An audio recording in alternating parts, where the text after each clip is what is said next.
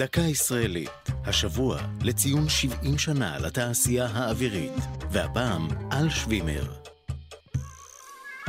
בתחילת מלחמת העולם השנייה, הוסמך אדולף ויליאם שווימר, יהודי-אמריקני, מכונאי וחובב טיס צעיר מקונטיקט, כמהנדס טיסה ואיש צוות בחיל האוויר של ארצות הברית. שווימר החליט לנצל את קשריו בעולם התעופה כדי לרכוש מספר מטוסים. לימים, היו כלי טיס אלה לגרעין שממנו צמח חיל האוויר הישראלי. במהלך מלחמת העצמאות שימש שווימר כראש להק חיל האוויר, ואף סייע בהברחה מוטסת של פליטים יהודים מאירופה ארצה. בתחילת שנות ה-50 שוכנע לשוב לארץ כדי להקים מפעל לתחזוקת מטוסי חיל האוויר.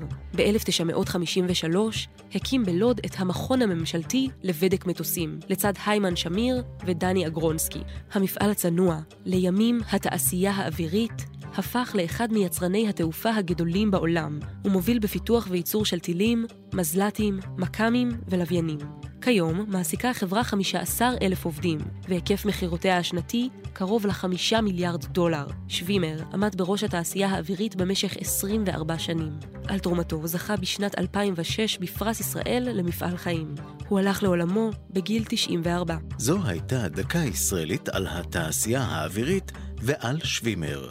כתבה מאיה יהלום, ייעוץ יוסי מלמן, עורך ליאור פרידמן.